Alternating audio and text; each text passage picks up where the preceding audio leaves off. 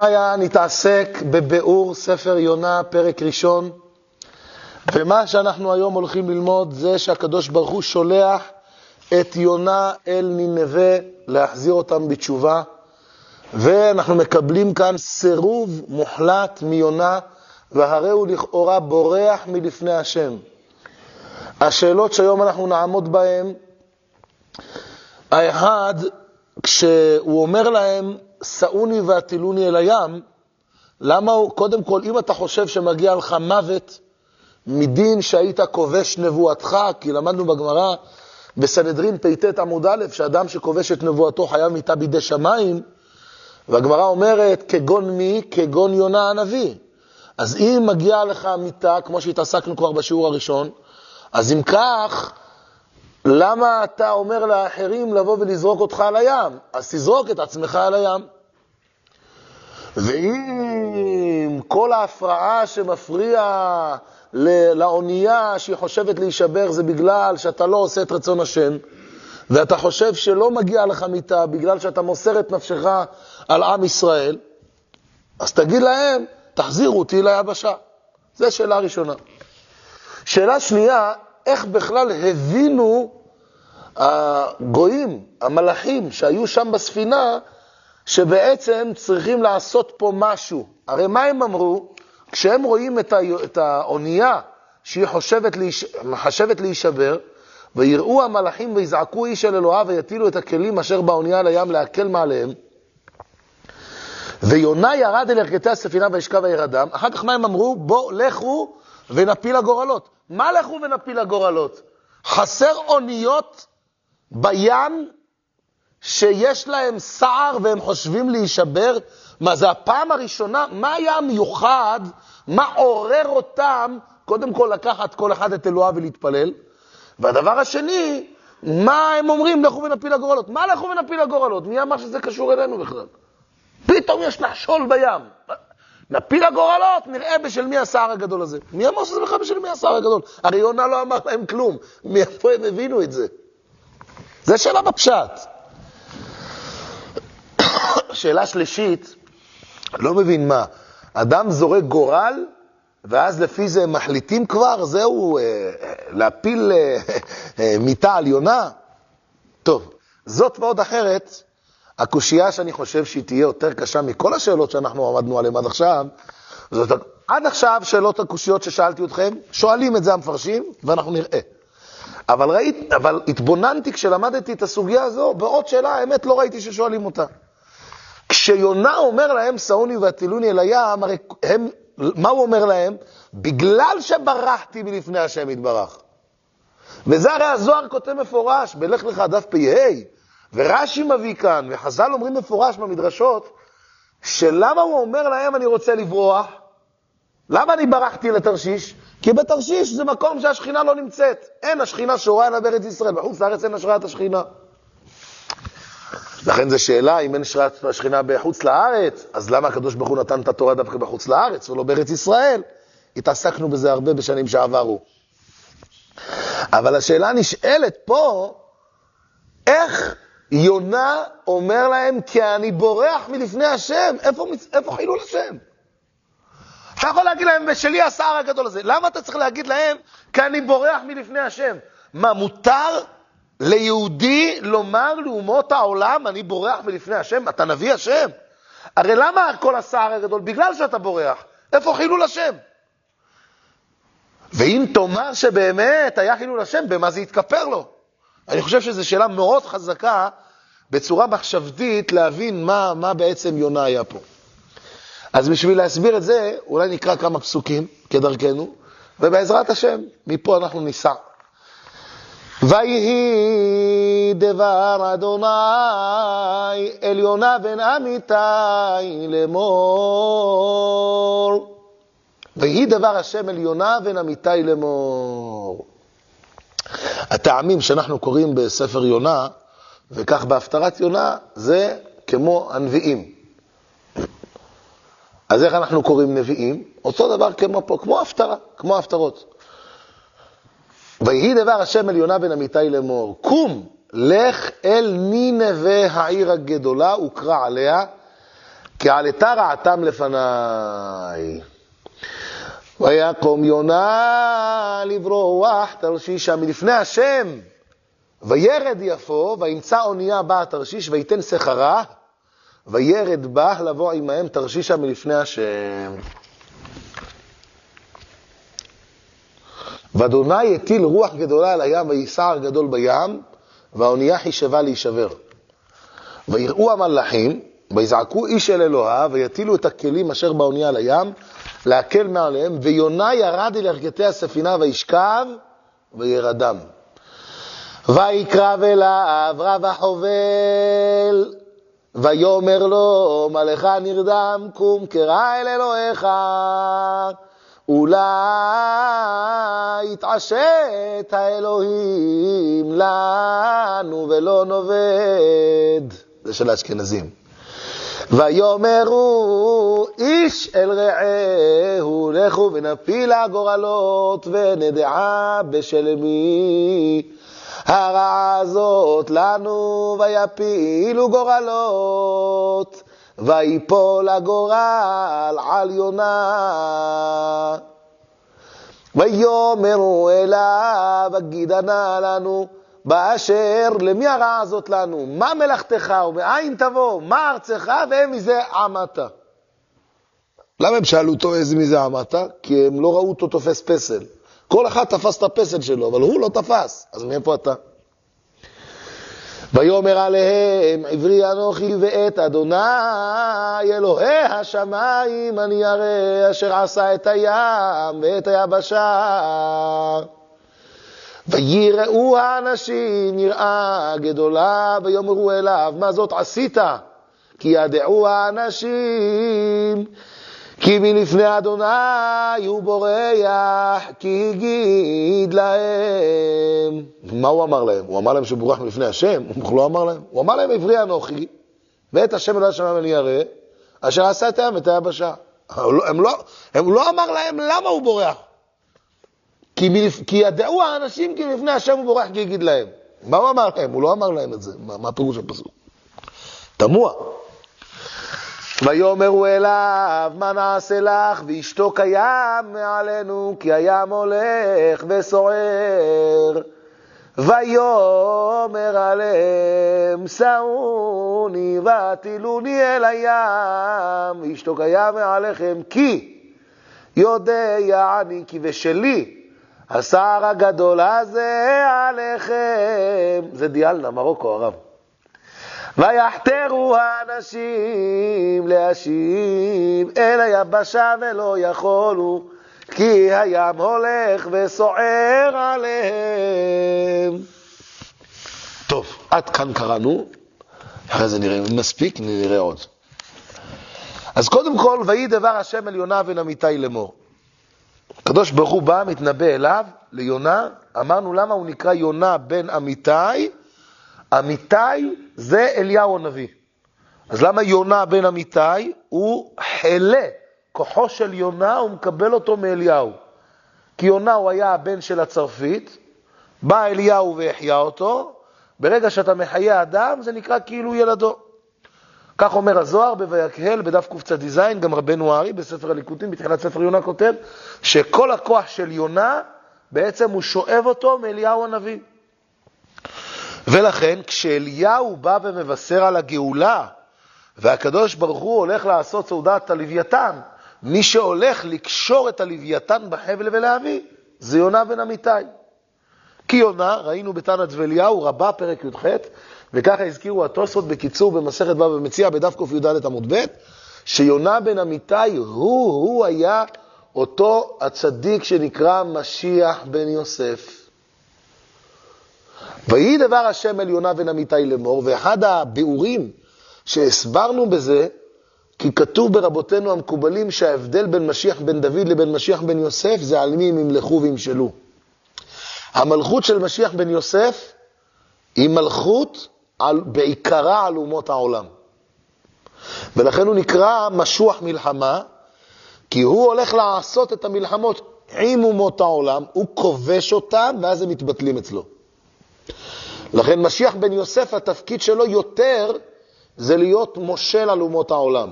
הוא מלך על אומות העולם. ואז משיח בן דוד, הוא יהיה מלך על ישראל. ככה זה בעיקרון סדר הדברים בכתבי המקובלים. ממילא יונה, מה הייעוד שלו בשליחות? ללכת לאומות העולם ולהחזיר אותם בתשובה. למה? כי הוא נשמת משיח בן יוסף, שהולך להחזיר אותם בתשובה, ולמלוך עליהם ולמשול עליהם.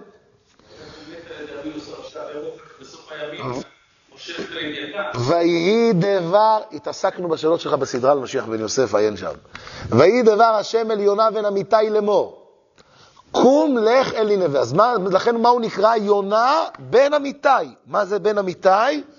מלבד כפשוטם של דברים, אלא על פי סודם של דברים, הוא בעצם נקרא הבן של אליהו, כמו בן של אליהו. קום לך אל נינווה העיר הגדולה. מה זה העיר הגדולה? היא ממלכת אשור. וקרא עליה, כלומר, לך תאמר להם את מה שאני מצווה אותך. מה הוא מצווה אותו? אז פה לא כתוב מה הוא מצווה אותו, אבל בפרק ג' כן כתוב מה הוא מצווה אותו. מה הוא מצווה אותו? תגיד להם שעוד 40 יום עיר ננבה נהפכת. ומהי נפקא מינה אם זה כתוב פה או כתוב בהמשך? זה הבדל עצום. כי אם באמת כאן בהתחלה כשהוא אמר לו, קום לך אלי נווה העיר הגדולה, הוא קרא עליה, והוא לא אמר לו מה לומר, ממילא לא היה לו דין של כובש נבואתו. אתה אומר לי, תשמע, אני יונה, בוא, אתה יונה, לך, תעשה את הציווי שלי. לך אל נווה העיר הגדולה, הוא קרא עליה. טוב, אני, הוא, אני אקרא, אבל מה אני אגיד להם? אז אחד התירוצים להסביר למה לא היה לו דין של כובש נבואתו, בגלל שהוא עדיין לא קיבל את הנבואה. אם הוא היה מקבל את הנבואה, את האמירה, אז הוא כבש את הנבואה, אבל אם הוא לא קיבל מה לומר, ממילא לא היה לו דין של כובש נבואתו. זה אחד התירוצים. לכן, כשהוא אומר לו, קרא עליה, לכאורה אפשר להגיד שהוא לא אמר לו מה לומר עדיין. טוב, אבל מה, ליונה הוא כן אומר מה הסיבה שאני שולח. אני שולח אותך, למה? בגלל כי עלתה רעתם לפניי. מה עלתה רעתם? איזה רעה עשו אנשי נינווה באותה שעה שעלתה רעתם לפניי? אז הפסוק הזה מזכיר לנו את פרשת נוח. החטא של דור המבול, על מה נחתם דינם? על הגזל. ושם איך הפסוק אומר? קץ כל בשר בא לפניי. אז כמו פה שכתוב כי את הרעתם לפניי, זה בדיוק מזכיר את אותו עוון שהיה אצל דור המבול, קץ כל בשר בא לפניי. כמו שחז"ל אומרים במדרשות, שמה עשו דור המבול, וככה מבואר בסוף סנהדרין על דור המבול, שהם היו באים לבסטה, לוקחים את הזית סורי, אוכלים, אתה אומרים, או, הבאת היום, רמי, איזה סחורה הבאת. ולב נתיים הוא אוכל מה... זה עם השום בפנים, אחר כך עם זה עם הפלפל הכתום. בקיצור, אני לא מאמין. הוא לוקח, אוכל תורמוסים, אוכל זה, אוכל זה, הוא לוקח, היה פרחים שלמים. אחרי שגמרת הכל, תן לי רבע קילו מאלה, מהזיתים האלה.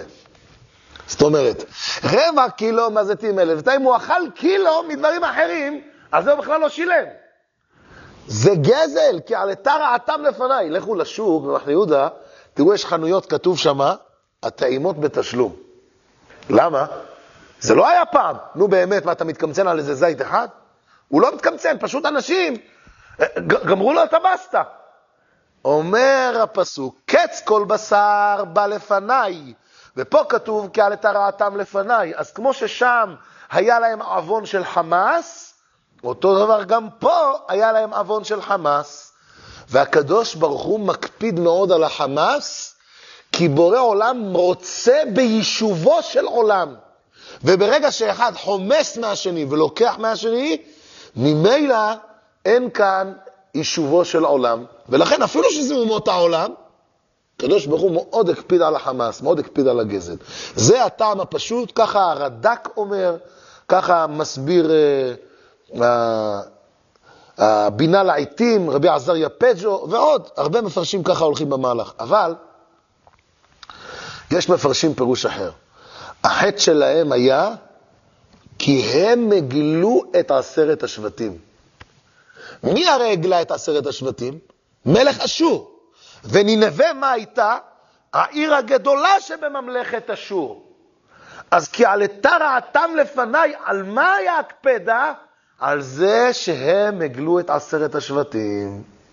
ככה המצודות מסביר, ועוד כמה מפרשים הולכים במהלך. אז יצא לנו, רבותיי, שיש לנו כאן פירוש אחד, מה זה עלתה רעתם לפניי?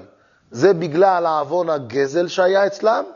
פירוש שני, על זה שהם הגלו את עשרת השבטים. פירוש שלישי, בכמה מקומות בחז"ל אנחנו רואים שכתוב את המילה הזאת רעה, והפירוש הוא על ענייני עריות. כי עלתה רעתם לפניי, שהם לא שמרו על עצמם. ולכן, כמו אצל דור המבול, גם היה מין שבינו מינו, יכול להיות, וייתכן שכך היה גם אצל אנשי נינווה. וזה הטעם למה הקדוש ברוך הוא אמר לו עוד 40 יום ועיר ננווה נהפכת. מה נהפכת? הרי הקדוש ברוך הוא כבר הבטיח לנוח שלא יהיה יותר מבול לעולם. אז מה קרה פתאום פה לא? אלא דור המבול לא יהיה בעולם כאשר באמת שומרים, אבל אם לא שומרים, אז לא בטוח שההבטחה הזאת יכולה להתקיים. וגם דור המבול, הקדוש ברוך הוא עשה מבול בכל העולם. פה זה לא מחייב, פה זה עיר מסוימת. צונאמי על עיר מסוימת, לא אמרתי שלא יבוא. לכן כתוב, הוקרא עליה כי עלתה רעתם לפניי. מרן החידה מסביר פשט אחר, והוא אומר כי עלתה רעתם לפניי כי גוי שעושה עוון מדור הפלגה הוא כבר לא פוגם חזק בשורש העולמות העליונים, אלא אך ורק אומות העולם. אלא אך ורק עם ישראל. עם ישראל, הם, בחטא שהם עושים, הם פוגמים. צור ילד חטשי. מאידך, כל מצווה שאנחנו עושים, אנחנו עושים שמחה בעולמות העליונים. בזה הוא מסביר את הפסוק. הוקרא עליה, כעלתה רעתם לפניי, אף על פי שבדרך כלל גוי הוא לא פוגם בשורש העולמות העליונים, פה, דע לך, הם פגמו בשר. וברגע שהם פגמו למעלה, כבר אני לא יכול להמשיך את הקיום של נינווה. אה, מה אכפת לבורא עולם מאיזה עיר נינווה, שיש שם איזה קבוצה של גויים? אין כזה דבר. הקדוש ברוך הוא, חביב אדם שנברא בצלם, גם גוי, חביב אדם שנברא בצלם. לכל דבר בעולם, לכל איש, יש ייעוד בעולם. גם לגוי יש לו ייעוד בעולם. ולכן, גם מזה הקדוש ברוך הוא היה אכפת לו, ואמר לו, הוקרא עליה, כי עלתה רעתם לפניי. מה הוא עושה? ויקום יונה לברוח תרשישה, איפה זה תרשישה? זה באפריקה, עיר באפריקה שקוראים לה תרשישה, ויקום יונה לברוח תרשישה מלפני השם. כלומר, מה הטעם שהוא בורח? כי הגויים קרובים לתשובה, כמו שהירושלמי כותב בסוף סנהדרין, בפרק י"א הלכה ה', ועל זה כבר הרחבנו בשיעור שלם. מה הטעם שהגויים, שאומות העולם, הם קרובים לתשובה? איך יכול להיות שהם קרובים לתשובה יותר מישראל? והסברנו כי הגוי, התשובה שלו זה רק תשובה חיצונית ולא תשובה פנימית. הגוי, כשהוא חוזר בתשובה, הוא סך הכל מונע ממנו את העונש, אבל הוא לא מתקן את החטא למפרע. ראינו כמה וכמה ביאורים. ויקום יונה לברוח תרשישה מלפני השם, ופה אנחנו רואים את המסירות נפש של יונה הנביא ואהבת ישראל הגדולה שהיה לו, שהוא מוכן למסור את נפשו עד כדי מיתה, ולא רק זה, אלא הוא הולך להפסיד את רוח הנבואה. כי היות והוא בורח בשביל שהנבואה לא תשרה עליו בחוץ לארץ, ואז מתי אני נקרא נביא שכובש את נבואתו? כאשר אני בארץ ישראל, מקום השראת השכינה. ברגע שאני יוצא מארץ ישראל, אין לי כבר דין של נביא, כי אין עליי השראת השכינה. ככה הוא חשב. עדיין היה עליו השראת השכינה. למה עדיין היה עליו השראת השכינה? כי שכינה לא שורה על נביא בחוץ לארץ, רק אם, הוא היה, רק אם הנבואה התחילה בחוץ, רק אם הוא נמצא בחוץ לארץ. אבל אם הוא היה לפני כן בארץ ישראל, אז הנבואה יכולה להמשיך איתו ממקום למקום. אז ממילא פה היה הטעות של יונה. מה זה הטעות? לקוצר המושג וקוצר המשיג. זה היה הנקודה שבעצם התעוררה אצלו מאהבת ישראל שהייתה בו, אז הוא עשה פלפול שהנבואה לא תשרה עליו. אבל בפועל, גם כשהוא היה בחוץ לארץ, הנבואה שרתה עליו. מה הוא עושה? הוא מוסר את הנפש עד כדי מיתה, הוא מוסר את הנפש עד הפסקת הנבואה, וגם יש מי שאומר שאפילו שהוא הולך, כן אל נינווה, אבל הוא אומר, אני רק עוד זמן ילך אל נינווה. למה? כי אני מעדיף לבינתיים שתתמלא שעתם של אומות העולם. ואז ברגע שיתמלא שעתם, ממילא כבר אני לא אצטרך לבוא אליהם, וככה יהיה הצלה לעם ישראל. אז כמה מהלכים יש בזה. וירד יפו, ויקום יונה לברוח תרשישה מלפני השם, וירד יפו, הוא הולך דרך הנמל יפו, עכשיו כל הדירות שם ירדו, וימצא אונייה באה תרשיש, ויתן שכרה. מה, מה, לא הבנתי, אתה הולך למטוס, לא שילמת לפני כן את הכרטיס? אתה יורד באונייה, אתה לא שילמת על המקום שאתה יושב שמה? פשיטא, וימצא אונייה, בא התרשיש, ויתן שכרה, וירד בה לבוא עמהם תרשיש, הם לפני השם, מה, מה, מה החידוש פה? הגמרא בין דרים ל"ח עמוד א' אומרת, שכר כל הספינה היה ארבעת אלפים דינרי זהב. והיות והוא פחד שלא יהיה קטרוג על עם ישראל, באותו שעה אין, עזב את הכל, תפס את הרגליים, ירד לנמל, ראה אונייה, אמר להם בואו נצא עכשיו. אמרו, מה נצא?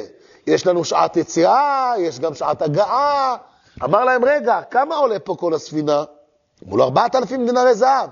אמר להם, קחו, הוציא, קחו, עשר ארבעת אלפים דינרי זהב, יאללה, בואו נתפוס את הרגליים ונלך.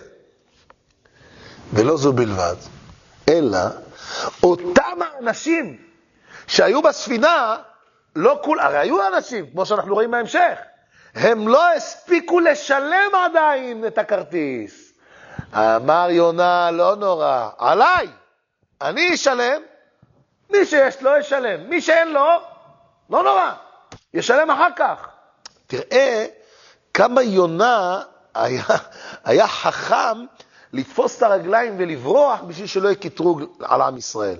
לכן ויתן שכרה, למה מודגש פה השכר שלה? פשיט הרי שהוא שילם. ויתן שכרה, מה כתוב? בדגש. ויתן שכרה. איזה טעמים יש על ויתן שכרה? אזלה גריש. מה זה אזלה? הולך. מה זה גריש? מתגרש. הולך ובא. האונייה לא רצתה ללכת. מה הוא עשה? ויתן שכרה. ברגע שאתה משלם שלמונים, נהיה אזלה גריש. הכל אתה יכול להזיז. שום דבר לא נתקע כשיש את זה. כשיש את זה, הכל זז. ויתן שכרה, וירד בה, לבוא עמהם תרשישה מלפני השם. אז הוא גם הקדים לתת את שכרה בהתחלה, וגם הוא נתן את שכר כל הספינה בשביל שהספינה תמהר ללכת. ומה הטעם היה? כי היה אכפת לו שלא יהיה קטרוג על עם ישראל. ואז וירד בה, לבוא עמהם תרשישה מלפני השם. כן, טוב, הולכים, הוא בורח. והשם מטיל רוח שערה, והשם מטיל רוח גדולה אל הים, ויסער גדול בים, והאונייה חישבה להישבר. וכאן שאלנו, מאיפה הם ידעו שזה קשור אליהם? אומר המדרש בפרקי דרבי אליעזר, בפרקים, פרק ט' ופרק י', שזה שני הפרקים שהוא מדבר על יונה הנביא, אומר המדרש בפרקי דרבי אליעזר, כשיונה היה באונייה, המלאכים לא היו טירונים, אלה מלאכים היו ותיקים, הם יודעים בדיוק איך הים נראה. הם עוברים בים, מה הם רואים כמה מטר מלידם? אוניות. אוניות, לא רק שהים היה שקט, הם רואים אוניות שעוברות והכל שקט להם. זה אחד. שניים, כשרוח באה, בדרך כלל היא באה מצד מסוים. היום דרומית-מזרחית, צפונית-מערבית, הים סוער, שימו לב. פה, מכל הכיוונים היה להם סער בים. זה היה דבר לא שגרתי. הרי איך אמר הרב הקדוש, הבת עין, מה הוא אמר הרי? כשהרי היה את הרעידת אדמה בצפת, מה הוא אמר? הוא אמר לכולם, בואו על ידי. וכל מי שהיה לידו, באמת לא נפגע. מחוץ לאיפה שהוא היה בתקרה, נשבר. איפה שהוא היה, לא קרה כלום. כשהוא עמד להתפלל, אז הוא נשתטח על הרצפה ממש, והיה בוכה, בוכה. שאלו אותו אחר כך, כבוד הרב, למה? הוא אמר להם, כשיש רעידת אדמה, אז נופל, טראק. אומר, פה ראיתי שזה היה משהו לא רגיל, ראיתי שהיה חורבן, היה מלאך המשחית. אבנים מפה נזרקים לשם, ומשם נזרקים לפה, ומפה, היה משהו לא שגרתי. כשיש משהו לא שגרתי, הבנתי שיש פה משהו רוחני. זה מה שהיה, אומר המדרש פה. והשם הטיל רוח גדולה אל הים ויסער גדול בים. היה רוח גדולה וסער גדול בים. אז היה פה שני דברים. האחד, שהים היה שקט כמה מטרים מלידם, ורק לידם זה סוער, אוניות על ידם עוברים רגיל, ורק האונייה שלהם נש... עומדת להישבר. והדבר השני, שלא רק שהיה להם ממקום אחד, אלא היה סער מכמה מקומות, מכל הרוחות של השמיים, איפה שהם עמדו, שמה היה, שמה היה האונייה לא יכלה לשוט בנחת. והאונייה חישבה להישבר. מה זה חישבה להישבר? נדמה להם כאילו היא נשברת. מי שראה, מי שהרגיש פעם רעידת אדמה, בר מינא, כשהיינו בטבריה, כמה פעמים היה רעידת אדמה, אז אני זוכר. היה פעם רעידת אדמה מאוד מאוד חזקה, לא תקום פעמיים צרה. אז ממש, הרגשת כאילו הכל זז, ממש, אתה מרגיש כאילו הספריות זזות, אתה זז, אתה הולך פה, הולך שם. אחרי שנייה אתה יושב, אתה רואה הכל רגוע. זה נקרא, והאונייה חישבה להישבר.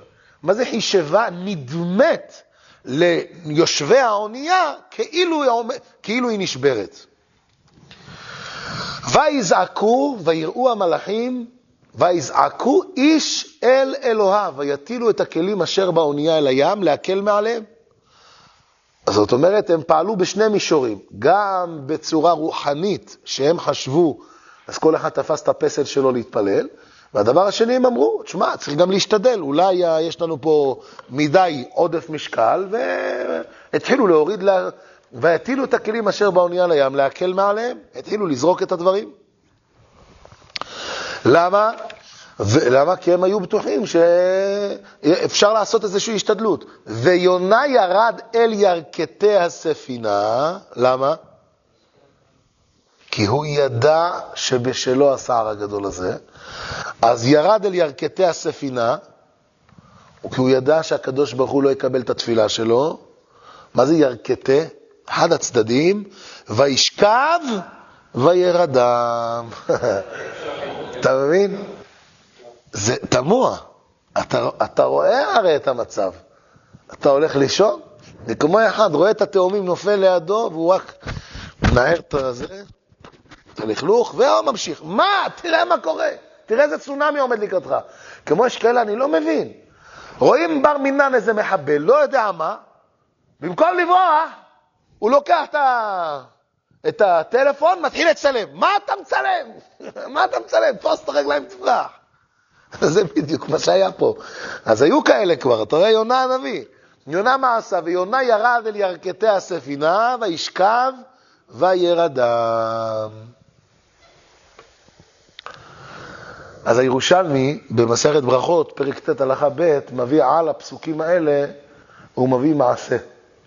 ירושלמי אומר, מעשה היה פעם, באיזה נער אחד יהודי, שהיה צריך ללכת לעיר רחוקה, והיה בלי אביו ובלי אמו.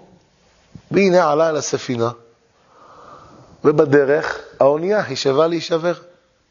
כל אחד מבעלי, מאנשי האונייה, משבעים אומות העולם היו שם, כל אחד היה תופס את הפסל שלו, את האלוקים שלו, קוראים אל הפסלים, וכמובן הפסלים שלהם לא עונים להם. והם בוכים ומבקשים, מתחננים. ראו שמה נער אחד יהודי, אמרו לו, ואתה, איפה האלוקים שלך? אמר להם, האלוקים שלי יושב בשמיים. אמר להם, אמרו לו, אם כך, אתה האלוקים שלך נמצא בכל מקום בעולם. אנחנו צריכים לקחת איתנו את הפסל. אבל אתה, בלי לקחת את הפסל, האלוקים שלך נמצא בכל העולם. קום, קרא אל אלוהיך. אומר הירושלמי, מיד עמד אותו נער, תינוק קטן, ילד. עמד בירכתי הספינה, והיה עומד ומתפלל ומתחנן לקדוש ברוך הוא, ואומר לו, ריבונו של עולם, תראה, שמו אותי להיות שליח ציבור, אני נער צעיר, בר מצווה אין לי עדיין, תראה ואני עומד ומתפלל, תקדש את שמך. באותו רגע, נח היה מזעפו. מספר הירושלמי, בנה ובנה, עצרו באיזה אי. עצרו באיזה אי, אמרו עוד שעתיים, הספינה ממשיכה. לבינתיים כל אחד יכול ללכת לקנות מצרכים. ההוא קונה אבטיח, זה קונה פפאיה, ההוא קונה כל מיני דברים מיוחדים שיש, איזה כלים, מאכלות. והנה כולם ירדו. היחיד שלא ירד מן האונייה היה אותו נער יהודי. לא היה לו כלום, מה, מאיפה יקנה? הוא ממשיך שם, חוז... אלה חוזרים, כל אחד ואחד מביא לו מתנה. זה מביא לו אבטיח, והוא מביא לו איזה מלון, והשני מביא לו כלי מזהב, והשלישי. בקיצור, יצא שם עם שלל גדול. אמר להם, זה, מה הבאתם לי? אמרו לו, כי אתה ניצלת אותנו. אמר להם, אני הצלתי אתכם. הקדוש ברוך הוא, האלוקים של העולם, הוא זה שהציל אתכם. ואחר כך, ירושלמי כותב שכשהוא הגיע, הוא סיפר את הסיפור, וככה כתוב בירושלמי, שנהיה מזה קידוש שם שמיים גדול, איך שכל שבעים אומות העולם באו והתפללו. וזה פה, יונה, אתה רואה הרי שהאונייה חישבה להישבר, ואתה יודע שזה בעבורך. אז למה אתה לא קם ומתפלל? כי הוא הבין שפה תפילה לא תעזור. אתה צריך לעשות מעשים. יש דברים, תחנות בחיים, שלא עוזרת התפילה, אלא אתה צריך לעשות מעשים. איפה ראינו את זה? חיים הקדוש אומר בפרשת בשלח. כשהעם ישראל עמדו בים, מה עמדו? עמדו להתפלל. אומר חיים הקדוש, אמר לו הקדוש ברוך הוא למשה רבנו, משה, מה תצעק אליי? דבר אל העם וייסעו. למה אומר חיים הקדוש? פעמים שאתה צריך לעשות מסירות נפש. זה מה שהיה פה. ואני חושב שזה יהיה אחד ההבנות להסביר למה אנחנו ביום כיפור מפטירים את ההפטרה הזו, ללמד אותנו לקח, ללמד אותנו מוסר, שאנחנו עומדים 40 יום בתפילה, בפרט היום האחרון, יום הכיפורים, לא אוכלים ולא שותים, ועומדים כמו מלאכי השרת, כמו שהמדרש כותב בפרקי דרבי אליעזר, פרק מ"ו, ומתפללים יום... אומר הקדוש ברוך הוא, כל הכבוד לך שאתה מתפלל, זה יום של תפילה, זה יום של רחמים, יום שאין קטרוג של יצר הרע, אבל אל תשכח, פה אתה צריך לעשות מעשים. קבל עליך איזושהי קבלה. תראה, תלמד מיונה, שיונה אפילו לא עמד להתפלל. למה? למה הוא לא התפלל? כי הוא הבין שפה תפילה לא תעזור, פה צריך לעשות מעשים. זה ככה כל אחד ואחד ביום כיפור יחשוב על הנקודה הזו, שנכון, יום כיפור זה יום גדול, יום של תפילה, אבל קח עליך קבלה קטנה. אז מישהו אמר פעם, מה זה קבלה קטנה? הרב שך, שאלו את הרב שך, אמר להם הרב שך, תברך ברכת המזון מתוך סידור, מתוך ברכות. אז האחרים אמרו, כבר הרב, אנחנו עושים. אמר להם, אז תברכו אשר יצר מתוך הכתב. אנשים חושבים שקבלה זה אך ורק, הוא, עכשיו אני הופך את העולם. בורא העולם מסתכל על הקטנות שלנו, על הדברים הקטנים שאנחנו עושים, אבל אם אנחנו עומדים בהם. ולא אתה בא לשנה הזאת, וכבר אתה אומר, רגע, איפה הפנקס קבלות שהיה לי? הרי איזה התעוררות היה לנו בשעת הנעילה? איזה התעוררות היה לנו בשעת המנחה? איזה התעוררות, הלב שלנו נפתח באותה שעה, עמדנו ובכינו והתפללנו וצעקנו וביקשנו והתחננו ורצינו שנה יותר טובה. והנה עכשיו, עוד מעט מגיע יום הכיפורים, בואו נפתח את פנקס הקבלות ונראה, חביבי, איפה איזה פנקס? נשאר קבלות, אבל פנקס אין. אין פנקס, הכל מלא קבלות, אין וי אבל, אין חתימה סופית. צריך שיהיה חתימה. למה? כי אדם מקבל יותר מדי קבלות, קבל קבלה אחת. שתיים, אדם מקבל קבלות גדולות שהוא לא יכול לעמוד בהן. קבל קבלה קטנה, אבל תעמוד בה. תעמוד בה. יש כמה שוטרים, מתקשרים אליי, קבוע, בערב, אה, בעשרת ימי תשובה, קבוע כבר כמה שנים, תשע, עשר שנים, מתקשרים קבוע, כמה הם אצלי, תלמידים למדו אצלי בשיעורים בטבריה, מתקשרים כל שנה. הרב, השנה מה נקבל? אני, אני תמיד אומר להם, תביאו אתם מה אתם רוצים, מתוך זה נבחר אחד מהם. השנה אחת קיבלו ברכת המזון, שנה אחת אשר יצר בכוונה, שנה אחת כל, אם, הם, יש להם, אם יש להם קריאה והם צריכים להיות בשבת, אז הם נשארים, והם גומרים נגיד, בשעה ארבע נגיד, נגמר המשמרת. אז קיבלו על עצמם שהם לא חוזרים לבית, אלא נשארים בתחנה, נשארים שם עד צאת שבת, בשביל שלא יחילו לשבת. כל מיני דברים, הבנת? שהדברים האלה הם מאוד מאוד חשובים. עכשיו ככה, כשהקדוש ברוך הוא רואה שאדם עושה קבלות אפילו קטנות, ככה הוא מתקיים, וזה מה שכתוב פה, שעוד יונה לא עמד להתפלל. למה? כי הוא ידע שהוא חטא. אז מה הוא היה צריך לעשות? לעשות מעשים. בפועל מה הוא הלך לעשות? הלך לישון. איך הוא הצליח להירדם? וישכב וירדם. לא רק זה, גם שכב. אתה יודע, הוא לא ישן ככה. שכב על יד הזה, רצה שיהיה לו אוויר, ירכתי הספינה, ירד שמה. ויקרב אליו רב החובל ויאמר לו, מה לך נרדם? מה זה רב החובל? אה? הקפטן, שר המלאכים. ויאמר לו, מה לך נרדם? מה אתה הולך לישון? זה לא זמן של שינה עכשיו. קום, קרא אל אלוהיך, אולי יתעשת האלוהים לנו ולא נאבד. תעשה משהו, מה זה יתעשת? יתרצה. יתעשת, הפירוש המילולי יתעשת, זה ית, יתרצה. כמו עבדו עשתונותיו אשר מהרו. מה זה עבדו עשתונותיו בתהילים? מחשבות רצונו. אז זה נקרא ויתעשת. אולי יתעשת האלוהים לנו ולא נאבד. מה זה קום קרא אל אלוהיך? אלא, לפעמים תראו, יש אדם עייף, חזק, חזק. בדרך כלל, אחרי נסיעה כבדה, שאדם נסע הרבה ולא ישן, או אחרי איזה צום ארוך שהוא עשה, כל אחד בעניין שלו, או עבד עבודה קשה, עייף ישן. עכשיו הגיעה השעה, הוא צריך לקום. והוא יודע שהוא צריך לקום. מה הוא עושה בשביל לקום? ולא להישאר בתוך הצ'רפאיה, בתוך השמיכה. מה הוא עושה? קום קרא אל אלוהיך. ישר הוא קם. קודם כל תתעורר מיד, תקום. אה, אתה עדיין מרגיש ערפולי שינה? קודם כל קום. לאט לאט תראה, ירד ממך קורע עכביש. קורע השינה ירדו ממך. אומרים המפרשים, זה מה שהיה פה. אמר לו, קום, קרא אל אלוהיך. אדם מגיע יום הכיפורים, והוא עדיין נמצא בתוך מצולות ים. הרי מי זה יונה? הזוהר כותב שם בויקל קצ"ט, שיונה זה הנשמה. אז יונה זה הנשמה, והיא נמצאת בתוך מצולות ים, בתוך uh, החטאים, בתוך הבלבולים. אומר לו בורא העולם, קום קרא אל אלוהיך, מה תעשה? בפעם אחת. קום, קרא אל אלוהיך. קבל עליך חרטה גבורה.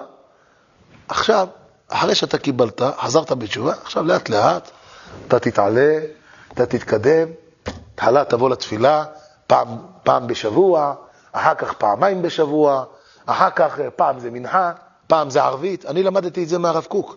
אני ראיתי אצלו איך שאנשים, אה, כל מיני, בכל מיני אופנים שאומרים לו, הרב, אנחנו רוצים אה, לחזור בתשובה, מה, ניקח עליי איזה עניין מסוים, על כל מיני דברים שהם עשו. אמר לו הרב, קח עליך תפילה אחת בשבוע. אמר, אז אני חשבתי בהתחלה, כל יום? אומר, לא, לא כל יום, פעם בשבוע. הרב, איזה תפילה? איזה תפילה שהוא רוצה. עכשיו, אז היה לו מזמן מישהו אחד כזה, אז הוא אמר, כן הרב, יש לי איזה מניין מול הבית, כל יום שחרית בשש. אני בשבע אצא לעבודה, שש. אמר לו הרב, זה מאוד יפה, אבל קודם כל, קח עליך איזושהי תפילה שאתה רוצה. אם לא שחרית, אז מנחה, אם לא מנחה. למה? תפסת מועט, תפסת. תפסת מרובה, לא תפסת. הוא יבוא, יגיד כן, שש בבוקר כל יום, תראה אותו. יום, יומיים, שלוש, ארבע, חמש, פנתר, אחר כך אומר, די, קשה לי. אבל כשאתה אומר לו, תשמע, קח עליך איזה תפילה ביום, אז פעם הוא יעשה שחרית, פעם הוא יעשה מנחה, פעם הוא יעשה... לאט לאט הוא יתחבר, לאט לאט הוא יתקרב, לאט לאט הוא יתעלה. לכן, גם פה, כשאדם הוא מקבל קבלות, שידע כל פעם, לאט לאט. אז קום קרא אל אלוהיך. בהתחלה קום בפעם אחת, אבל אחר כך, לאט לאט, ככה אתה תקבל. ואז מה הוא אומר? ויאמר הוא איש אל רעהו, לכו ונפיל הגואלות. אז הסברנו, מאיפה הם ידעו? כי הם ראו שהספינות האחרים, הן לא משתברות. אז למה הספינה שלנו עומדת להישבר? על כוכך שזה קשור אלינו, כך כתוב בפרקי דרבי אליעזר, וכך הרד"ק כותב. ולזה, מה הם אומרים? בשל מי הסער, ונדעה בשל מי הסער הרעה הזאת לנו, ויפילו גורלות ויפול הגורל על יונה.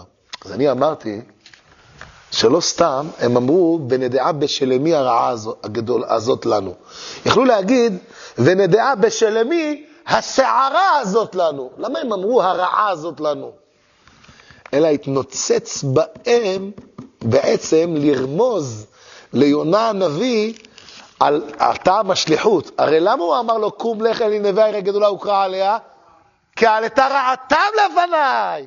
אז גם פה, ונדעה בשל למי הרעה הזאת לנו, הם כאילו משמיים רמזו ליונה, דע לך, אותו לשון שאנחנו שלח, בורא עולם שולח אותך, בעצם זה הסיבה למה אנחנו אומרים לך שאתה צריך לברוח. הם עדיין לא ידעו, אבל אי הוא לא חזה מז לחזה, ששלח אותם הקדוש ברוך הוא, והוא אומר להם, בשל מי הרעה הזאת לנו? ומי שומע את זה? יונה. עכשיו, זה הפשטות. אפשר להסביר שהיה להם כזה עניין, פעם, שכשהם ראו שיש איזושהי גזרה או איזשהו דבר, אז הם אה, בעצם מפילים גורל. זאת אומרת, זה היה דבר שהוא מושג ידוע אפילו אצל אומות העולם, העניין הזה של הגורלות. ולכן הם אמרו, בוא נפיל גורלות. עכשיו, למה כתוב גורלות? מה היה צריך לכתוב? בוא ונעשה, לכו ונפילה, גורל. מה זה לכו ונפילה גורלות?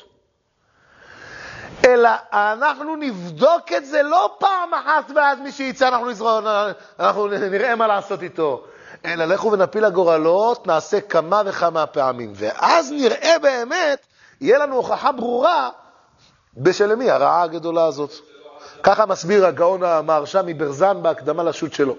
כי קודם כל, פה היה עיקר החתימה שלהם על זה, ופה היה החתימה שלהם על משהו אחר. עיקר החתימה שהיה עליהם זה היה על החמאס. זה היה העיקר. ואז ונדע בשל מי הרז, ויפילו גורלות, ויפול הגורל על יונה. זאת אומרת, כל אחד פעם שעשו כמה וכמה פעמים את הגורלות, וכל פעם זה נפל עליו. למה? אז אומר הגאון ממונקת, שאומר דבר נפלא מאוד. הוא אומר, הרי אמרנו שיונה זה הנשמה, זה כנסת ישראל. הוא אומר, כל פורענות שבאה לעולם, אומרת הגמרא בבמות ס"ג עמוד א' למטה, איננה אלא בשביל ישראל. ולכן הפסוק אומר, ויפול הגורל על יונה. מה זה ויפילו גורלות ויפול הגורל על יונה? כי כל גזרה שיש בעולם והיא לא בשביל ישראל, היא לא גזרה. אז זה רמז לאדם שכל מה שקורה בעולם, דע לך זה קשור אליך, זה קשור לעם ישראל, אל תגיד אליי זה לא קשור. פעם שאלו את הרב אוירבך, אמרו לו, הרב, למה אתה, גאון ישראל, למה אתה מתעניין בחדשות? לא כמו היום שנהיה כל שעה אתה צריך לפתוח, וגם כל מחצי שעה. יש מחצית, אתם יודעים, יש, את, יש את הגמר, יש מחצית הגמר, יש קרוב למחצית.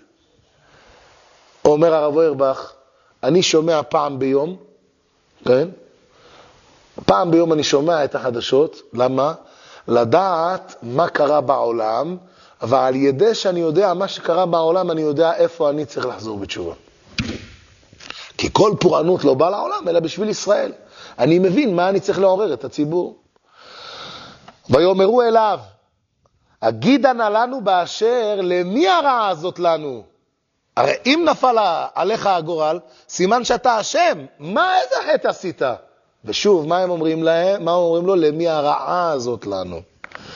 מה מלאכתך? ומאין תבוא? מארצך ואמי זה עם אתה. אומר הרד"ק, למה הם אמרו לו מה מלאכתך? מספיק שמה הם יגידו לו? באשר למי הרעה הזאת לנו, תגיד איזה עוון עשית. ואז נראה, מה, מה, מה, בוא נוכל לשפר. כי הגויים הרי קרובים לתשובה, היא הנותנת. אבל מה זה משנה מה מלאכתך?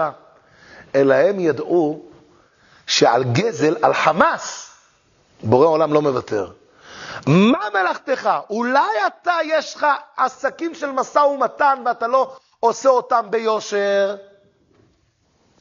אתה שכיר אצל בן אדם, ואתה יכול חצי שעה לברוח מעבודה על חשבון העבודה, ולעשות בזמן. אתה אומר, מה, הזמן פנוי? עכשיו אני עושה מה שבא לי. הוא בורח מפה, הוא בורח משם, דלק על חשבון, הכל, הכל על החשבון. הכל מותר. מה אתה רוצה? כולם עושים את זה. אני זוכר, אמא שלי שאלה אותי לפני המון שנים. היא הייתה מזכירה באיזו ישיבה, היא עובדת כמזכירה. שנים. אז היא אמרה לי פעם, האם מותר לי להתקשר, אה, אז היום זה כבר אותו חבילה. היום כבר אותו חבילה, זה לא משנה. אבל בזמנו, כל מספר טלפון, לפני 20 שנה, עד לפני, פחות אפילו, כל טלפון שאתה, אתה, אתה משלם עליו. היום יש לך חבילות. אז היא שאלה אותי, האם מותר לי להתקשר מהטלפון של העבודה לצרכים שלי? אמרתי לה, אם תבקשי רשות מהמנהל, והמנהל מרשה לך, אז לא יהיה לך בעיה, כיוון שהוא כמו שבעת טובי העיר, הוא הגבאי של הצדקה, הוא יכול להחליט. זה נקרא דקדוק ביראת שמיים. ירא שמיים בודק שכר שכיר. תראו, אפילו בסליחות, כשקמים מוקדם באשמורת, הפוסקים דיברו באדם שהוא שכר שכיר, שהוא עובד שכיר, שייזהר. אמנם אתה צריך לקום באשמורת לסליחות, אבל תראה שזה לא יהיה על חשבון העבודה. אם זה על חשבון שעות העבודה שבגלל זה אתה תעבוד פחות טוב, עכשיו רוצים ממך שאתה תהיה שליח, ואתה אומר, אין לי כוח עכשיו, אין לי כוח. מה אני אעשה את זה אחרי העבודה? לא משנה. או... ועכשיו זה נקרא שאתה לא מתעסק ביושר בעבודה. הרמב"ם, כשמשבח את יעקב אבינו, איך הוא משבח אותו? מה הוא אומר לו? תביא לנו רמב"ם בבקשה. רמב"ם, רמב"ם, תביא לי רמב"ם, משפטים. פעם היה שמה, הנה זה שמה, פה. מעליך מתן דוד בן מרסל. בהלכות שכירות, ספר משפטים. נכון? קריאת שמע של עובדים. האומנים קוראים בראש האילן ובראש הנדבך. ותמיד אני אומר, ותודה, תמיד אני אומר, וזה דבר נפלא מאוד, ויש אנשים אבל שכל החיים הם נשארים בעבודה שלהם, באותו מקום עבודה, על חשבון בדיוק זמני התפילות שלהם. זה לא רצון השם. חפש לך עבודה אחרת שהיא לא תהיה על חשבון, על חשבון, החשבון. אתה מבין? הוא בדיוק מוצא עבודה בדיוק בשעות התפילה. משעה חמש בבוקר עד השעה 12, אחד, ואז הוא שואל אותך, הרב, האם אני שחרית, אני נקרא אנוס, ואז אני אתפלל מנחה שתיים, או לא? איפה אני אניח תפילין? איפה אני... מעניין שאת ארוחת בוקר, שאלתי אותו, הוא אמר שהוא אכל בזמן. אתה מבין? תחפש לכתחילה עבודה שהיא לא תפגוש את ה... אתה מבין? את התפילה. אבל אם אין, אז אין, מה אפשר לעשות? הנה, תראו. הרמב"ם בפרק י"ג מהלכות שכירות, הלכה ז', אומר הרמב"ם, יש פה הרבה הלכות, וזה רק נקודה אחת. כדרך שמוזהר בעל הבית שלא יגזול שכר עני ולא יעכבנו, כך העני, העני הכוונה זה השכיר. העני מוזהר שלא יגזול מלאכת בעל הבית ויבטל מעט בכאן ומעט בכאן ומוציא כל היום במרמה. בשביל זה הרבה אנשים, אני מכיר, הם יש להם, מקבלים, בסוג העבודה שלהם, מקבלים רכב על חשבון העבודה. אני, דיברו איתי, אמרתי להם, כשאתה לוקח את הרכב, תגיד לו, האם אני יכול לנסוע בזה, זה נהפך להיות שלי? הדלקן שאתה משלם על חשבון החברה, האם הדלקן, אתה יכול לשלם בו מה אתה רוצה, או רק בשעות העבודה? כי זה לא יכול להיות, תראה, כי אני בארבע גומר את העבודה. הוא אומר לי. בארבע, אני לא יכול עכשיו ללכת. בארבע אני אלך לבית, אני אשים את זה, את האוטו, ומשם אני אחליף את זה לאוטו שלי, הפרטי. בדרך כלל, רוב האנשים בדרך כלל נותנים חופשי, וככה זה דרך, ככה היום מנהג העולם, וככה ראוי לעשות גם. אבל אם יש איזה אחד, איך אומרים בערבית? ענד, עקשן. חלו, אדוני. מה שבסוג, בסוג, בסוג העבודה, הנה מה טוב. מה שלא בדרך שלך לעבודה, אדוני, תשלם על הדלקן, תשלם על הרכב. אדוני, למה לך להסתבך בכלל עם כזה בן אדם של עבודה? לא שווה לך, למה? גזל, אה, אמר לי מישהו שעובד במקום כזה, שההוא ככה. הוא אומר, אה, אבל השני לא עושה. אמרתי לו, אז מה, הוא גוזל, אתה לא גוזל. רובן בגזל, רובן בגזל. גזל ואריות, נפשו, נפשו של אדם מחמדתן. גמרא בסוף מכות וגם גמרא בחגיגה י"א. זה לא פשוט. העניין הזה של הגזל, רבי אברהם בן הרמב"ם כותב, שספק של גזל אחד דוחה עשר שנים של סיגופים. כך, רבי אברהם בן הרמב"ם בספר המספיק לעובדי השם. כמה חשוב שאדם יהיה ישר בעבודה, בממון, ודיברנו על זה ברחבה בשאלות, בסדרה שעשינו על שאלות בבית דין של מעלה, שם דיברנו בהרחבה על העניין הזה שנשאת ונתת באמונה, תעיינו שם. ופה, זה הרמב"ם פה כותב. כך העני מוזר שלא יגזול מלאכת בעל הבית, ויבטל מעט בכאן ומעט בכאן, ומוציא כל היום במרמה. אלא חייב לדקדק על עצמו בזמן שהרי הקפידו על ברכה רביעית של ברכת המזון, שלא יברך אותה. עכשיו, טוב, אני מקפיד על הזמן, אבל עבודה, אני יכול להפיק עבודה של אה, יומיים, אני יודע שאני איש חזק, ואני יכול להוציא פה את העבודה בתוך uh, חמש שעות. עבודה של יומיים, אני יודע שיכול לעשות את זה בחצי יום. אומר הרמב"ם, וכן חייב לעבוד בכל כוחו. שהרי יעקב הצדיק אמר כי בכל כוחי עבדתי את אביכם. מה הוא זכה? ויפרוץ האיש מאוד מאוד. למה? אומר הרמב"ם, לפי כך נטל שכר זאת אף בעולם הזה, שלא יפרוץ האיש מאוד מאוד. אם אתה ישר, בורא עולם נותן לך ברכה בכסף. כמה חשוב להקפיד על הדבר הזה, בפרט עכשיו בימים האלה שאנחנו עושים תשובה, ותוספות כותבים, ועוד ראשונים כתבו, תוספות בבבא בתרא, בדף פ"ח עמוד ב' ועוד, כתבו שלעשות תשובה שלמה על הגזל זה מאוד מאוד לא קל. לא פשוט, התשובה על ממון. בפרט אם אדם גזל מרבים. אז נכון, עשו תקנת השבים, שיעשה מזה צורכי רבים, נתנו כל מיני פתרונות. אבל למה אתה צריך לחפש את הפתרונות? תוספות כותבים, זה לא תשובה מעלייתה. גם ברמב"ם יש כזה משמעות. למה זה לא תשובה מעלייתה? כי אתה גזלת מפלוני, ועכשיו אתה לא יודע ממי גזלת. אתה גם לא יודע למי להחזיר. זה, הכי חמור. אה, אני עושה צורכי רבים. צורכי רבים לזכותו, להצלחתו. זה תיקון, אבל זה לא תיקון שלם. לכן הגמרא, שם התוספות אומרים, זה הסיבה למה גזל יותר קשה מה... תביא לי רגע בבא בתרא מחילה, שם בסוף. מתי יחזירו פה את הש"ס לבית המדרש, תגידו לי? אתה יכול להביא לי בבא בתרא? אה, הגיע הזמן שכבר יחזור. אני דיברתי לא, לא סימונים, אבל התלמוד, התלמוד. יש פה ספרים מאוד יפים, ראשונים, שו"תים. אני אומר לכם, אבק אני רואה עליהם שנה. אבל הש"ס, זה, זה אי אפשר שלא. אז זה תוספות כותבים מפורש. בבבא בתרא, לא, לא אכפת לי שיהיה פה, לא מפריע לי, סתם, זה יותר נוח פשוט שזה כאן. בדף פ"ח עמוד ב'. פ"ח עמוד ב', פה, צורת הדף, הנה. אומרים תוספות, ודווקא אומרים תוספות, אבל גזלן שתשובתו הוא שיחזיר את הגזלה, כדכתיב והשיב את הגזלה, ואיכא דגזל הרבים אינו יודע למי ישיב. דאף על גב דאמרינן בבבא קמא דף צדיד יעשה מעין צורכי רבים, מכל מקום לאו תשובה מעל יתאי. זה לא תשובה מעולה. נכון, יש תקנת השבים, תעשה צורכי רבים, נפלא מאוד.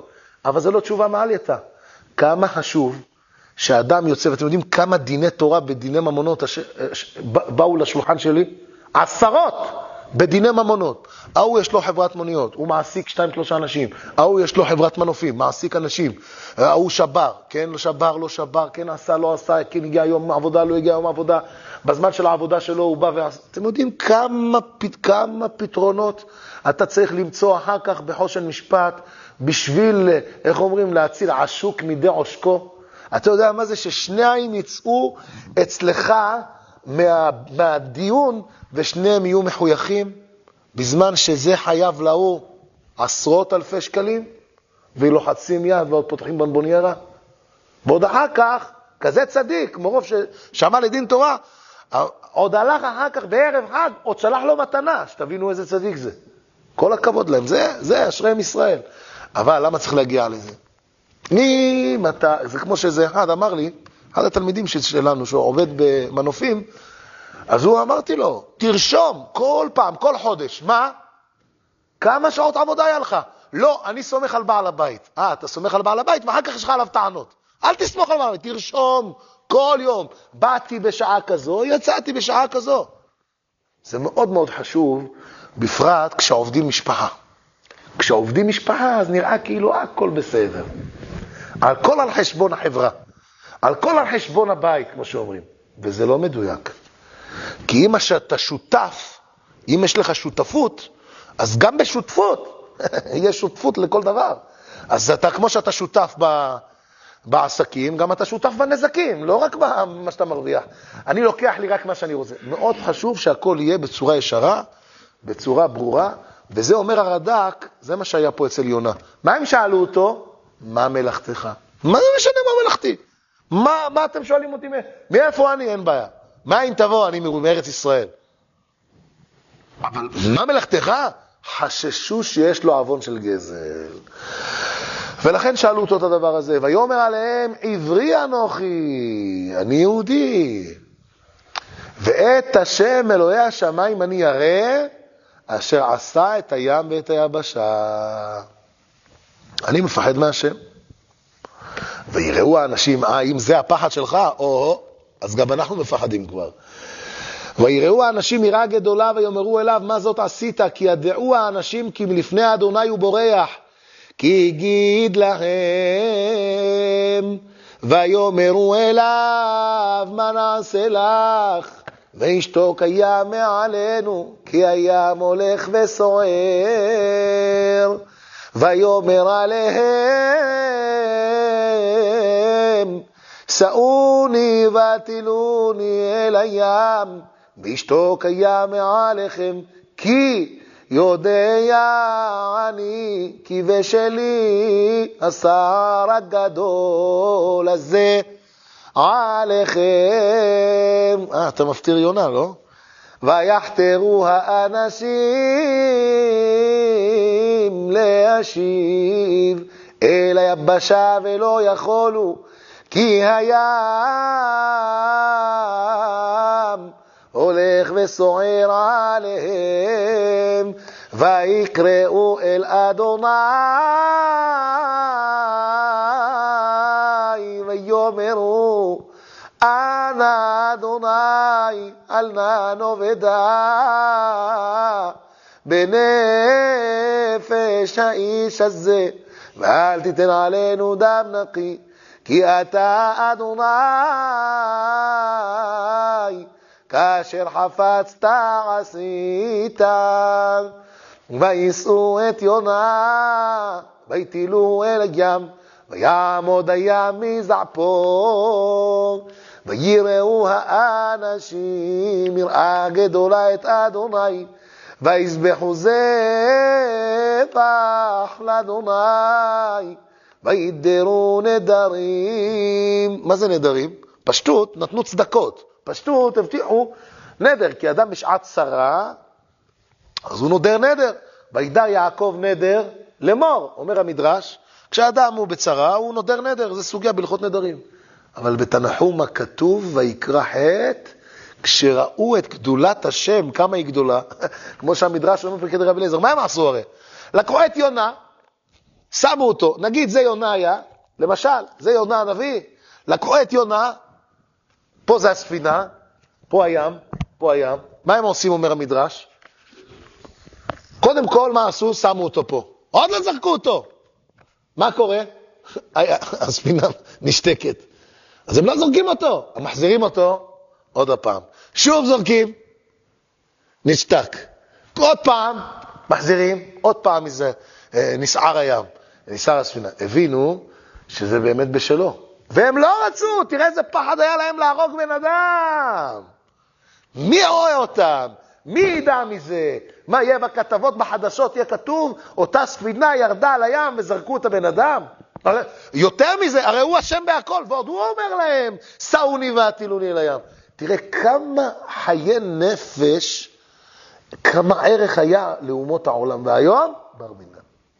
או שפלנו על עפר. אז תראה כמה ניסיונות, מורידים, מעלים, מורידים, מעלים, קורבן עולה ויורד. מלבד שזה יצא להם בגורל, כמו שאמרנו. אבל מה הם עשו, אומר התנחומה? כשראו את השגחת השם כל כך גדולה, אתה מנסה לברוח ממני, ויתגיירו. מה זה, מה, מה פירוש שהם נדרו, וידרו נדרים? אומר המדרש, נדרים? אנחנו מוכנים לקבל עלינו את היהדות אם יש כזה אלוקים. לפי זה מיושב הקושה ששאלנו בתחילת השיעור. מה שאלנו בתחילת השיעור? איך לא חשש יונה הנביא לחילול השם? הרי לכאורה זה חילול השם, מה אתה אומר להם בשל מי השר הגדול הזה? בשלי. ולמה? כי אני ברחתי מלפני השם, כך וכך. הרי ודאי הוא לא אומר להם הרי את המהלך, את הפלפול שלו שהם קרובים לתשובה. זה ברור שהוא לא יגיד להם. הם בעצמם גויים. אלא מה הוא אומר להם? אני לא עושה את רצון השם, אני בורח מלעשות את רצון השם. אם, אם חיללת את השם, מה הכפרה? יונה ידע.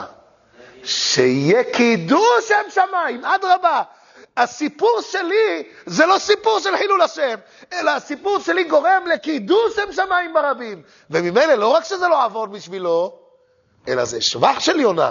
שיונה אמר להם את זה, הוא הרי נביא, הוא חכם, הוא יודע הרי לתכנן מה, מה יהיה, מה, איך ייתכן שיהיה רוח הדברים. הרי לכן הוא לא עמד והתפלל, והוא הלך לירכת הספינה. מה, הוא לא חושב, וישכב הירדם? מה היה נראה לו? שמה, שהים הוא... הוא יירגע? הרי הוא הבין שזה רצון השם, וזה היה, המדרש כותב במחילתא, שזה הרי היה סיבת המסירות נפש שלו. ולמה הוא נבחר להיות משיח בן יוסף? כי הוא היה מוכן לזרוק את עצמו אל הים ולמות, העיקר שלא יהיה קטרוג על עם ישראל. זאת אומרת, בשביל זה הוא הלך, וישכב הירדם, קום קרא אל אלוהיך, כמו שלמדנו מקודם. זה פלא של פלאות, זה פשט נפלא בסייעתא דשמיא להסביר למה יונה לא חשש מחילול השם. והתשובה, הוא קידש את השם ולא חילל את השם. ולכן כתוב שהוא נדרו נדרים. מה זה נדרים? שהם התגיירו. נפלא התירוץ הזה. עכשיו, אז פתרנו למה באמת הוא אמר להם, שאוני והטילוני אל הים. פתרנו למה אמרו גורלות בלשון רבים. פתרנו את השאלה מאיפה הם ידעו על, ה, על, הס, על הסערה שחושבת להישבר, אבל נשאר לנו את הפסוק הזה.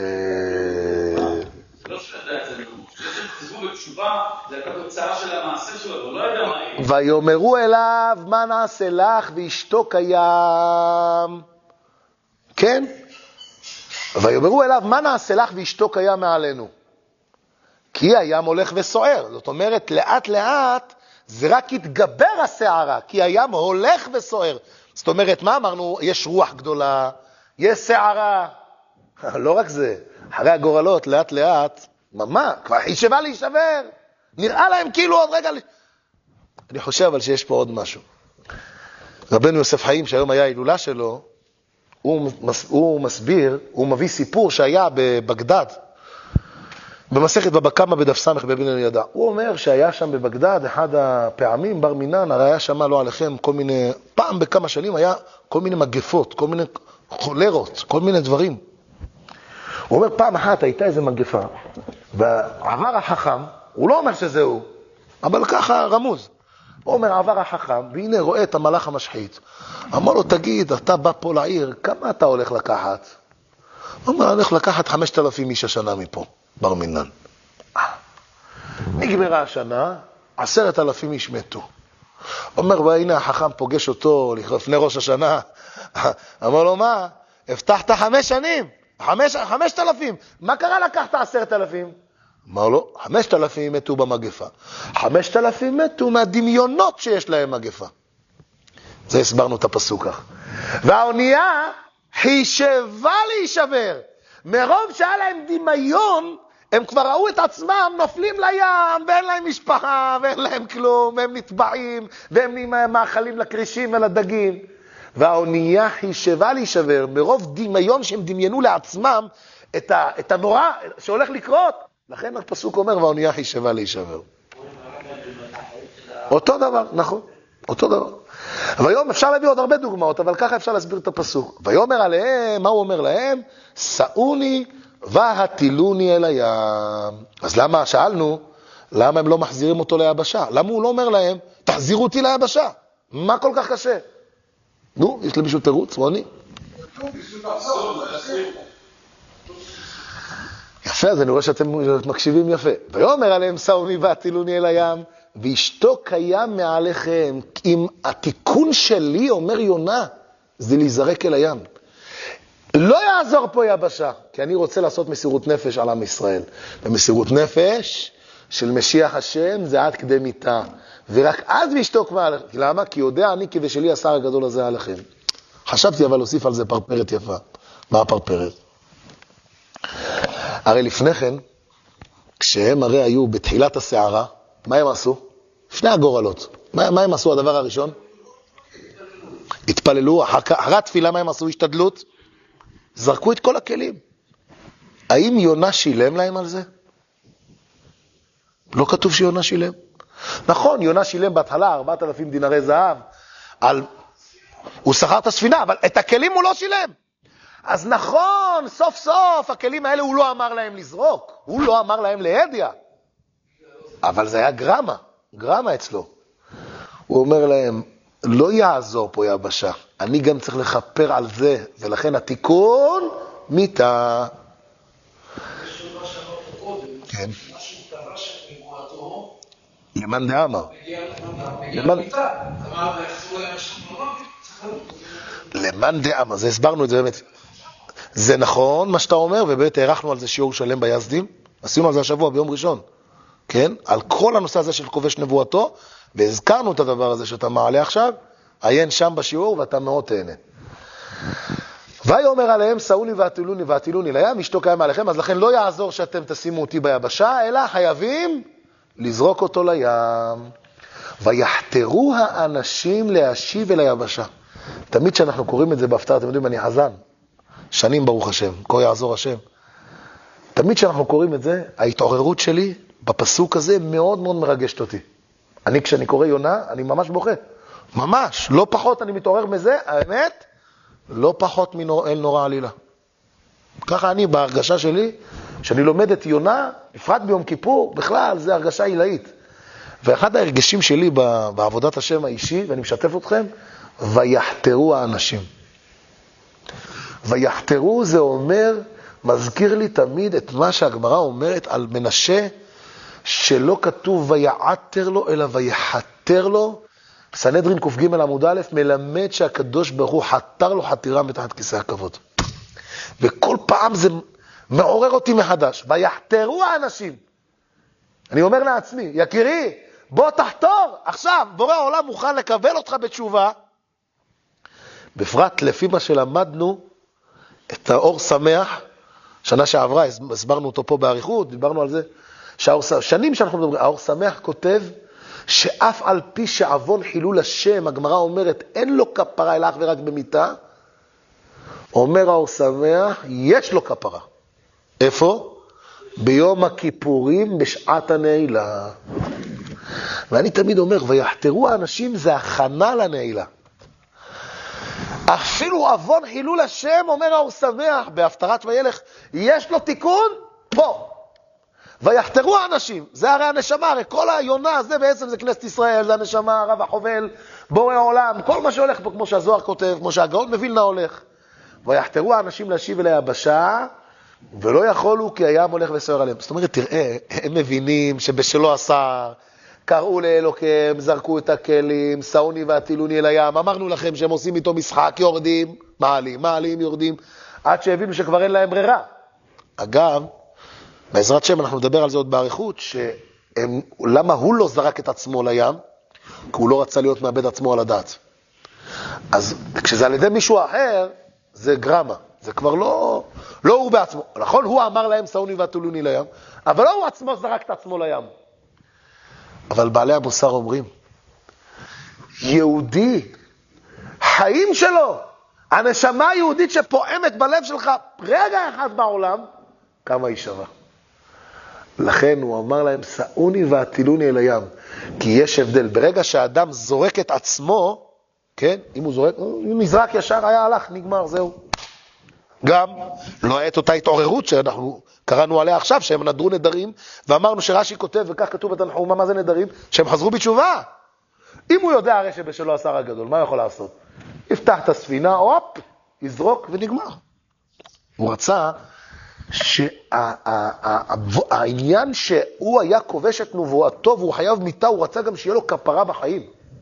אז הכפרה שיהיה לו, זה יהיה קידוש שם שמיים. אז גם אם אני לא הגעתי ללנווה והחזרתי אותם בתשובה, אבל התפקיד שלי, בורא עולם ייעד אותי להחזיר אותם בתשובה. הנה, מה אני עושה? החזרתי אותם בתשובה. ככה התעוררתי לפני כמה שנים ביום כיפור בהתעוררות הזאת. אבל זה נפלא מאוד ש... ש... ויחתרו האנשים, כמו שאמרנו, אפשר לאדם לחזור בתשובה אפילו על עוון חילול שם שמיים. תבינו מה, מה זה דרגה של, שכשאנחנו קוראים את, ה, את ההפטרה הזו, מה זה שאנחנו לומדים. אותו דבר, נכון, נכון. לשבת מוסר, נכון. נכון. אז זה, ויחתרו האנשים, כי הים הולך וסוער אליהם. אז זאת אומרת, תראו מה זה הים הולך וסוער אל הים, מה הבעיה? מה יונה יגיד להם? לא סעוני, תפוס את הרגליים, תפיל את עצמך. אומרים בעלי המוסר, כי רגע החיים שיתקיים מהרגע שהוא אומר להם, סעוני והטילוני עד שהוא ייזרק לים, זה עוד רגע של נשמה שאני קיים בעולם. מה זה כל רגע של נשמה? כמה זה... נכון, נכון. אחר כך, ויקראו אל השם, ראו שאין תקנה, מה לעשות? זרקו אותו, לא, חתרו חתירה. ויקראו אל השם, אין מה לעשות, רק משליכים אותו, ויאמרו, אנא השם, אל נא נאבדה בנפש האיש הזה. שלא יעלנו איזשהו עוון על זה שאנחנו משליכים אותו, ולא יחשוב עלינו כאילו רצחנו נפש, נפש דם נקי. כי אתה השם כאשר חפצת עשית, אז נמצא שהגזרה היא מתקיימת על ידינו, אבל זה אתה גזרת את זה. זאת אומרת, אומנם מגלגלית זכות על ידי, וחובה על ידי. ויישאו את יונה, ויטילו אל הים, ויעמוד הים מזעפו. אז הים נרגע. והזוהר פה כותב על זה איזה דברים בפרשת, אה, שמה בדף קכ"א, אבל אחר כך, אין זמן, נמשיך, ויראו, יש זמן, יש זמן, אבל לא עכשיו, ויראו האנשים יראה גדולה את השם, נהיה כזה יראת שמיים, כזה השפעה אלוקית, מה נהיה? נהיה תשובה, וככה אנחנו נראה גם בפרק ג' כשנלמד, מה כתוב שם? וירא האלוהים את מעשיהם כי שבו מדרכם הרעה. אמנם אלה המלאכים שהיו בספינה, ושם נאמר על אנשי נינווה, זה שני סוגי תשובה שונים. אבל פה, כשהפסוק אומר, ויראו האנשים יראה גדולה את השם, כשיש לאדם יראת שמיים, מיד הוא חוזר בתשובה. מה הם עשו? ויזבחו זבח להשם. מה זה ויזבחו זבח להשם? אמרו נקריב קורבנות. למה? קורבן תודה. אדם נהיה לו נס, הוא מביא קורבן תודה. וידרו נדרים שהם יתגיירו. אז תראה מה זה, מה זה, גם יש צדקה, כמו שאמרנו, צדקה לעניים, וגם וידרו נדרים. אז תראו מפה כמה היום למדנו איזה דברים חשובים על יונה הנביא, על הדמות המיוחדת הזאת, שכל המהלך הזה של סעוני והטילוני אל הים, נפיל גורלות, נביא השם, נביא השם. עכשיו, לפי רבנו בחיה, שהבאנו בשיעור הקודם, שרבנו בכי אומר בפרשת פנחס, שיונה, מי, הייתה, מי היה הצרפית? אמרנו שהיא לא הייתה יהודייה, נכון? אז הוא היה גר. יש מי שאומר, לפי רבנו, אמנם הוא היחיד, אבל רבנו בכי ככה כותב. אם נאמר באמת שיונה היה גר, זה בכלל שאלה, למה אליהו החיה אותו? אם הוא גוי, אז אל תחיה אותו בכלל. אלא, מה היה לו הכרת הטוב? אבל מפה... אלא הבין, אליהו הבין שהוא יכול לבוא ולעשות פה פעילות, פעילות רוחנית מאוד גבוהה. אה, הרי יונה משיח בן יוסף, איך משיח בן יוסף והוא גר? איך? אה? אז תעיינו בסדרה על משיח בן יוסף, תמצאו שם, דיברנו על זה באריכות. איך יכול להיות? אם הוא גר, לפי רבנו בחיה, אז איך הוא משיח בן יוסף? אז תעיינו שם, שם אנחנו תירצנו את זה. אבל לפי רבנו בחיה שאומר שהוא היה גר, אז הוא דיבר איתם בשפה שלהם, הוא מכיר אותם, אתה מבין?